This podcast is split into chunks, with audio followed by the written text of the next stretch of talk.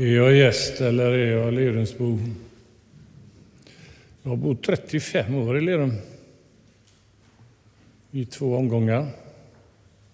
Och eh, jag fick nästan aldrig upp någon löja där på Konsumbron som den hette eftersom Konsum låg här. Och eh, det var lite mycket trafik på den bron, för när alla kom med tåget som man kom på den tiden så var det svårt att fiska löja där samtidigt som de kom från tåget. Min bror fick många fler löjor än vad jag fick. Jo, Lerum kommer jag nog aldrig vara gäst i, även om jag är en främling också. Nu bor jag i Gråbo. Nej, det gör jag inte alls. Jag har bott i Gråbo också, så jag har bott i Lerum. Men Jag bor i, i Sävedalen sedan 2017 och eh, gläds över att eh, jag nästa gång när jag kommer hit kommer att få köra på en nyasfalterad väg borta ifrån eh, Aspedalen och hit. Den asfalterades aldrig under de sista 18 åren jag bodde här. Är detta betecknande för Lerums förändring? Det var en association som var ganska dålig, men som jag får, inte släppt än. Det var, det, det var inga snöflingor i Sahara, va? Utan det var det, sandkorn och snö, det var olika. Mm. Men inledningen, som jag har tänkt, den är körd. För Per har redan tagit alla de tankar jag hade i inledningen. Så jag får väl gå direkt på texten. Och eh, jag tänkte på Gert, så tänkte jag också på Sven på den här tavlan. För eh, när Sven var med här, Pers pappa, då fick jag alltid ett besked vid utgången. Vet ni vad det var? Idag predikade du 34 minuter. Eller 27 i bästa fall, eller något annat. Men du som tar tid, nu får du ta tid för predikan, för den börjar nu. Och vi ska börja med texten som är föreslagen för den här söndagen ifrån Lukas evangeliets 22 kapitel, verserna 24 till 27. Sammanhanget är viktigt. Det är direkt efter att Jesus har instiftat nattvarden. Det är den här sista kvällen som är så otroligt unik och måste varit, både känslomässigt och annat för lärjungarna, så, så helt annorlunda och så nytt och så spännande, samtidigt så oroligt. Jesus har tvättat deras fötter och så händer det här. Lukas 22 24. Sen kom de att tvista om vilken av dem som skulle anses vara den största. Då sa han till, Jesus sa till dem, kungarna uppträder som herrar över sitt folk och de som har makten låter kalla sig folkets välgörare. Men med er är det annorlunda. Den största bland er ska vara som den yngste och den som är ledare ska vara som tjänaren. Vem är störst?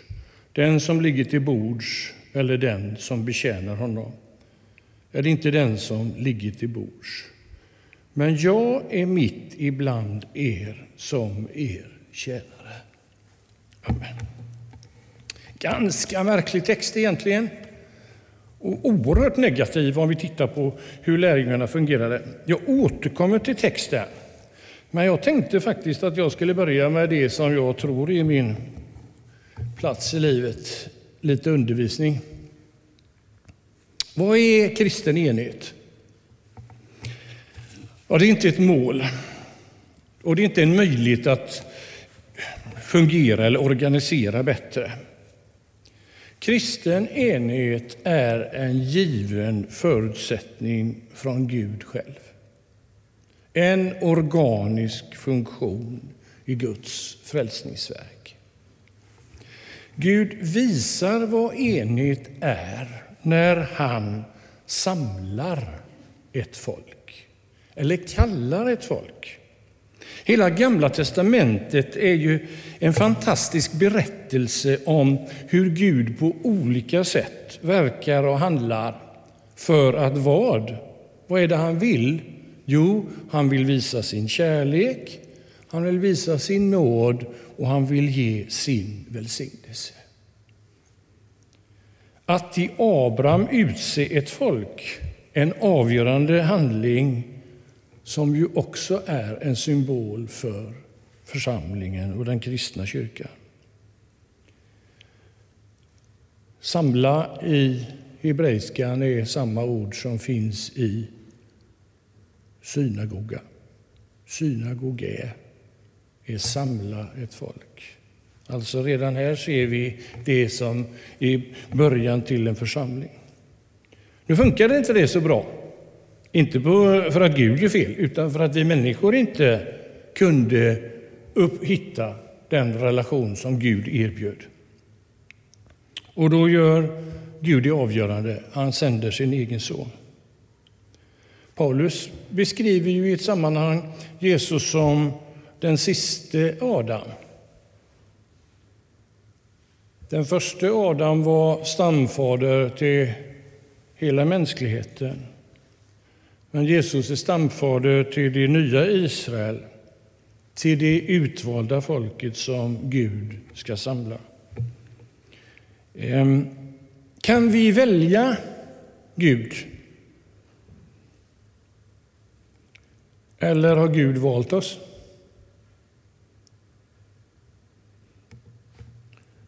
Ja, jag menar faktiskt att eh, vi kan inte välja Gud. Gud har utvalt oss. Han har samlat. Han har tagit, han har tagit han är förutsättningen för det. Han är skapelsens herre, han är universums herre fortfarande och han har valt vägar hela tiden. Han älskar oss, han vill visa oss det som jag sa, kärlek, nåd och välsignelse. Du och jag, ja, är det ett val? Det kanske det är, att säga ja eller nej till det här. Men vi kan egentligen inte välja. Antingen tillhör vi Gud eller gör vi det inte. Och då har Gud valt sitt folk, eller församlingen som är den plats, kyrkan om du vill, som är den plats, det är det forum där Gud verkar och där han samlar oss. Den eh, Frostenson som skrev den där sången vi sjöng sista gången han använder ju den gamla bilden på vinträdet. Va? I den nya, eller nya, nya, NT81, det är ju lite till åren numera, men då är det ju jag är vinstocken, ni är grenarna. Och det är en poäng i den. Ett träd med en stam och grenar lite som det. är. Men en vinstock är en stock som breder ut sig. Så sitter det grenar hela tiden på stocken om man tittar. Ibland är det tydligare och ibland är det mindre tydligt, men principen är den.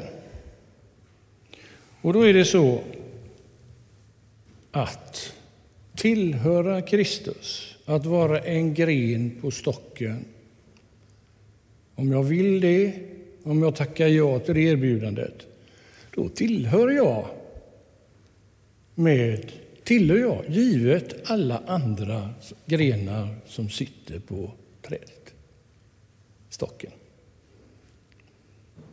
Det är inget val. Vi kan inte välja att vara ensamma i relationen med Gud. Väljer jag Gud tackar jag ja till erbjudandet som finns i Jesus. Att tro att Jesus har gjort allt det som behövs för att vi ska få tillhöra Gud, vara en gren på stocken. Då sitter jag ihop och tillhör alla andra. Det finns inget val. Och det är där Gud har valt att handla. Eh, Paulus använder ju en annan fantastisk bild Och Det var ju lite grann som det Per har varit inne på här. Men Paulus använde bilden av människans kropp. Och Kristus är huvudet och vi är lemmar i kroppen. Och som Per var inne på, alla behövs med de här olika. Ögat kan inte vara fot, foten behövs och så vidare. Och till och med de delar som vi skäms över behövs enligt Paulus bild. Och den enheten är också eh, intressant där. Eh, hur eh, jag lyfter fingret. Det kan bara göras genom att det går en signal ifrån huvudet. Lyfter sig allt det andra? Om jag ska lyfta fingret så, måste allt det andra lyftas också samtidigt? Nej. Det räcker med det fingret. Men skulle det fingret kunna lyfta sig självt om det inte satt på armen och hängde ihop med allt det andra? Nej. Det är en ganska fantastisk bild det här. Nu finns det biologiskt, kanske någon tänker nu då, det finns de här betingade reflexerna som kommer från eh, eh, ryggmärgen. Men bortse från dem. Ibland kanske vi reagerar så även i, i församlingen, förlåt. Men eh, den, jag tycker det är en fantastisk bild som, som Paulus använder. Du har din unika DNA, som Per sa. Du har dina gåvor, du har dina upplevelser. Det är med dem du ska tjäna församlingen. Du kan bara tjäna om du hör ihop med alla de andra. Men du är inte beroende av att alla andra gör likadant på samma sätt hela tiden. Men vi är självklart beroende av varandra. Två fantastiska bilder på vad kristen enhet är. Jag hade ju tyckt det varit bättre om dagens eh, episteltext hade varit den andra eh, som är föreslagen på första årgången ifrån Efesierbrevet 4. Jag tänker ta två texter till. Och den första är från Efesierbrevet 4, 1-6 och sen kommer jag fortsätta i Efesierbrevet. Och detta är Efesierbrevet 4, ett av de ställena där Bibeln nämner treenigheten tillsammans utan att använda ordet. Treenigheten finns i alla kyrkor. Det står inte i Bibeln, men det finns som en självklar förutsättning för vad, vad kristen tro är. Paulus skriver i Efesierbrevet 4. Jag uppmanar er, jag som är fånge för Herrens skull, att leva värdigt er kallelse, alltså ödmjuka och milda. Ha fördrag med varandra i tålamod och kärlek. Sträva efter med friden som band bevara den andliga enheten. En enda kropp, en enda ande. Liksom ni en gång kallas till ett och samma hopp. En är Herren, en är tron, ett är dopet, en är Gud och allas fader, han som står över allting och verkar genom allt och finns i allt. Jag tittade på en gammal text jag hade. Där skrev jag att anden är smörjmedlet. Eh, ni som är yngre än 50 år vet ju inte vad rundsmörjning av en bil är. Va? Men vi andra som är uppväxta tidigare, min gamla folkvagn 62-63 63 skilde sig med att det var plastat innertak. Jag hade plastat innertak på den bubblan. Den skulle rundsmörjas var 500 mil, men det räckte inte. Ofta fick jag ta efter 300 för det var rätt så skraltigt. Och då fanns det smörjpunkter på bilen där man körde in i, i en, eh, en eh, verkstad eller en, en, en bensinstation eller vad det var som hade det. Och så hade de en stor eh, pump som var med olja och så trycktes det in i alla de där punkterna. Och när bilen gled ut igen så var det tyst och skönt ett par hundra mil till. Ehm, det, jag tyckte det var en rätt bra bild då, men jag tänkte det att det, det förstår väl inte ni andra nu ungdomar. Nu är det några äldre med här som förstår den där bilden.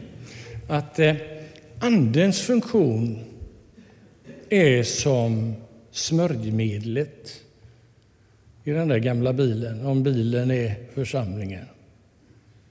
Som ser till att det blir friktionsfritt, som ser till att det inte skär, som ser till att, att det här som ska fungera tillsammans, som fastnar ibland och som inte är så bra och som rostar eller blir dåligt eller inte fungerar som det gör. Ibland måste vi byta de delarna. nu kan man inte hårdra bilder, det blir inte bra.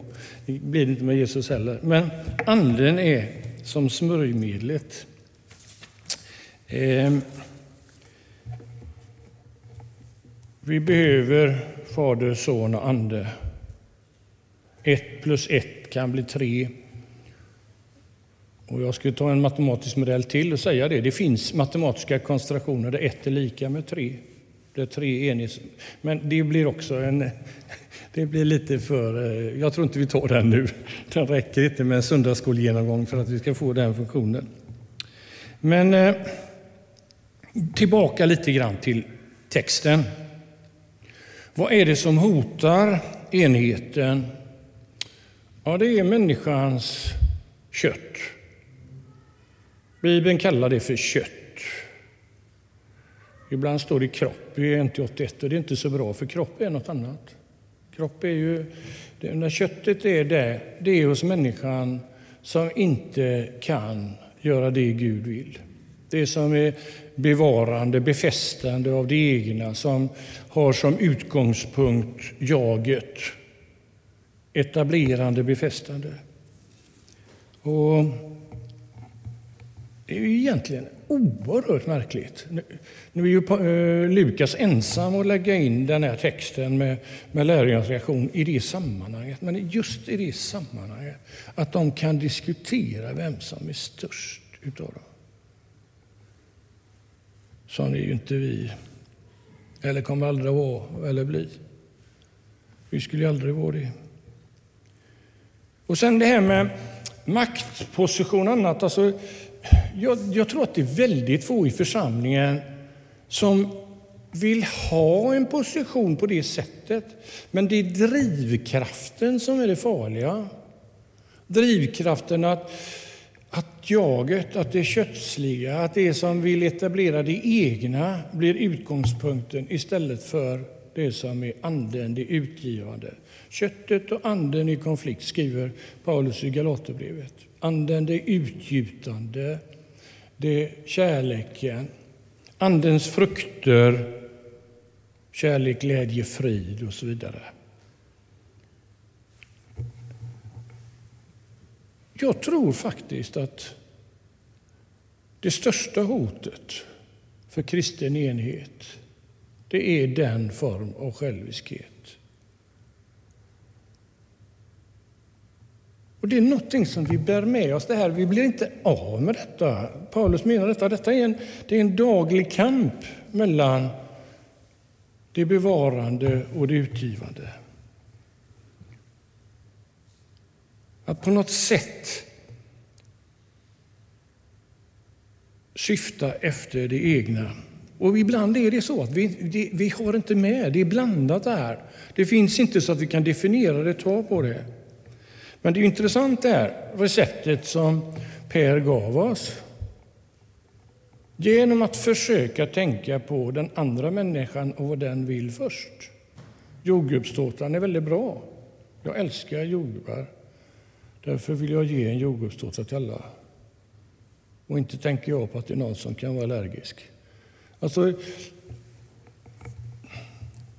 det är så oerhört mycket vi gör utan att tänka på det. Det är så oerhört mycket som vi handlar i vår vardag som, som är rutin och annat. Och det är inte annorlunda i församlingen. Sen är det ju så det sämsta man kan tillhöra en församling är valberedningen. Är det någon som har varit med i en valberedning? Hur många gånger får du ja direkt när du frågar någon? Eller hur många gånger svarar du nej när valberedningen frågar dig?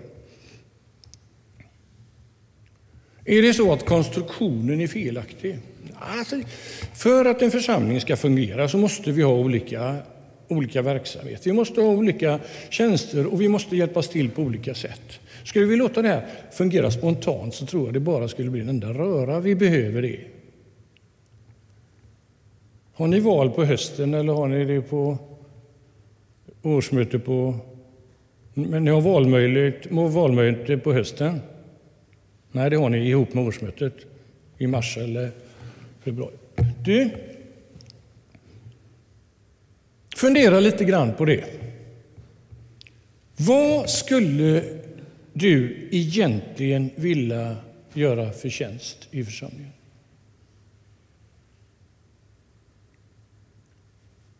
Våga fundera själv. Våga be för det. Våga kanske prata med någon annan.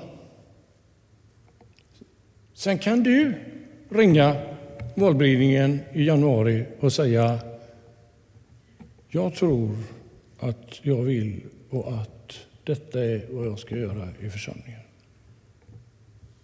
Ni som nu är plus 80 Det viktigaste ni kan göra som ni aldrig får sluta göra, vet ni vad det är?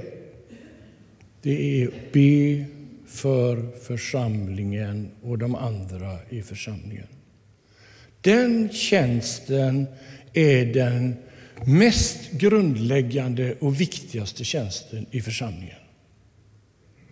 Och det kan ni göra ända in till slutet. Sen finns det säkert andra uppgifter också. Men det naturliga är kanske inte just för er, utan nu är det er andra här som är en liten utmaning till. Vad tror jag att jag vill göra? Är det Gud som vill att jag ska göra det? Kommer jag kunna tjäna med det? Det du har, vad gör Gud med det? Jo, Gud kompletterar ditt DNA med sin ande. Med sitt smörjmedel berikar han, förmerar, använder det du har och ger till honom som du vill tjäna med.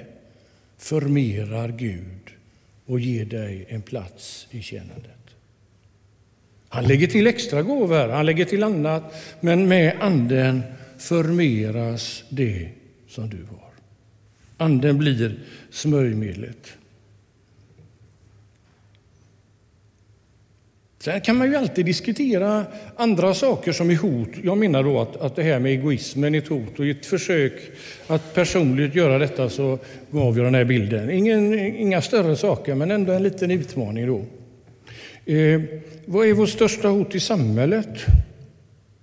Ja, en del tycker det är, är SD och andra tycker det är Vänsterpartiet. Men eh, eh, det märkliga är ju det som vi har varit med om, att en pandemi som plötsligt förändrar hela världsbilden. Eller en maktgalen Putin som gör att allt det vi har tagit för självklart inte är självklart längre. Och det värsta är ju i vårt samhälle är ju de här, det stod om dem idag i Göteborgs-Posten, jag har tittat lite i den, men eh, jag har inte läst hela, med de här som har, vad de heter, de här affärerna som säljer eh, saker billigt. Och du får bli medlem om du inte har en inkomst eh, över eh, den så kallade minimiinkomsten som vi har i Sverige. Och så får du köpa. vad Affärer skänker sådana som är nära utgångsdatum. Ni känner till det va? Men alltså att det är otroligt mycket fler idag som söker det. Jag tror inte så många av oss egentligen har drabbats. Vi kan gny lite över det. Min eh, favoritkyckling eh, eh Filé den kostade 99 nu sist istället för 79. Och bensinpriset är ju högt. och Ja, vi vet ju det här. Men, men vad, vad beror det på? Ja, det beror ju på att egentligen vi trodde att världen gick att bygga så att vi inte alla skulle vara protektionistiska, att alla skulle göra sitt eget utan att vi skulle hålla ihop, att vi skulle ha tillsammans.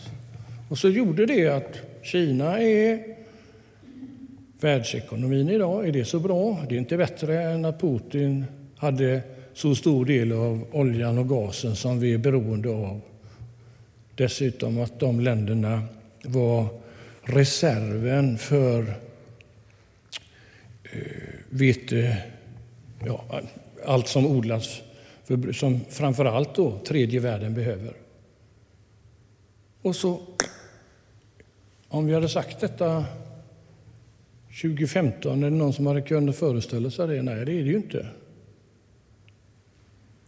Och frågan, vad gör vi i församlingen då? Ja, mitt svar är det enkla. Vi ska göra precis det vi gör, fast göra det bättre. För vi behövs mer än någonsin.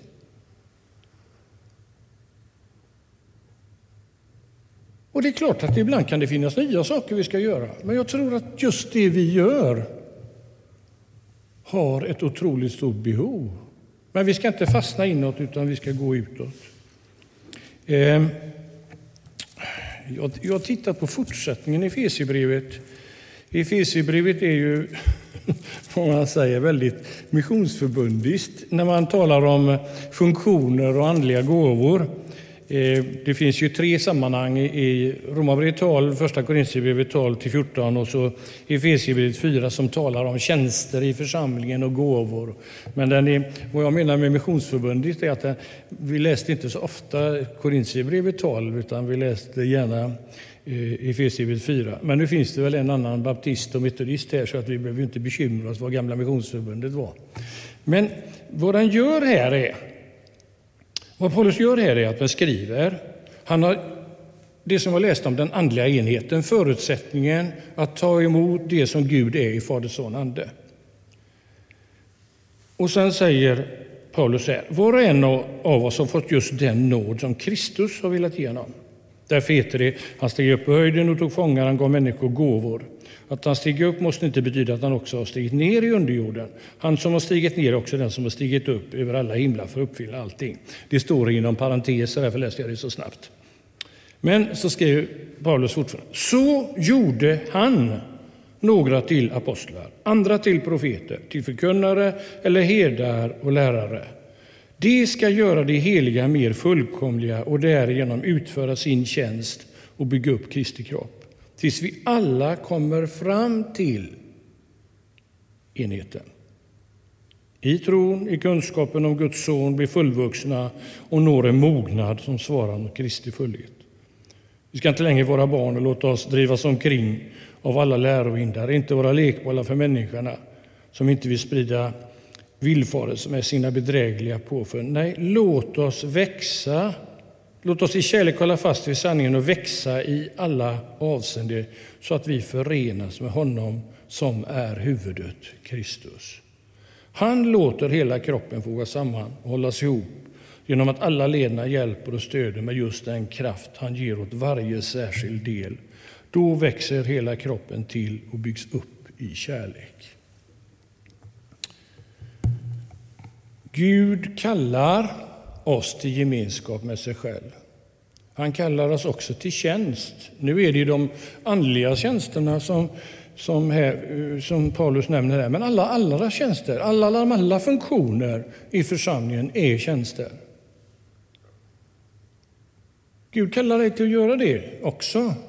Och i det är det Anden som är drivkraften för att vi ska komma ihop, fungera bättre, tjäna bättre, vara det som vi, fin, eller som, som vi är i vår kallelse i samhället.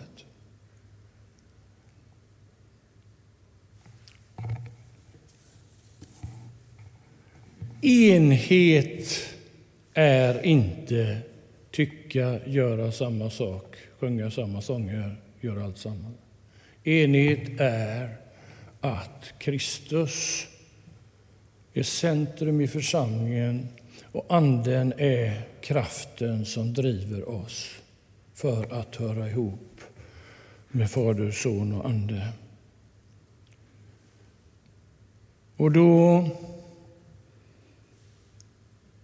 är det så att var är Kristus? Sista raden i texten jag läste så stod det att han är mitt ibland er. När Jesus kommer efter uppståndelsen står han mitt ibland sina lärjungar.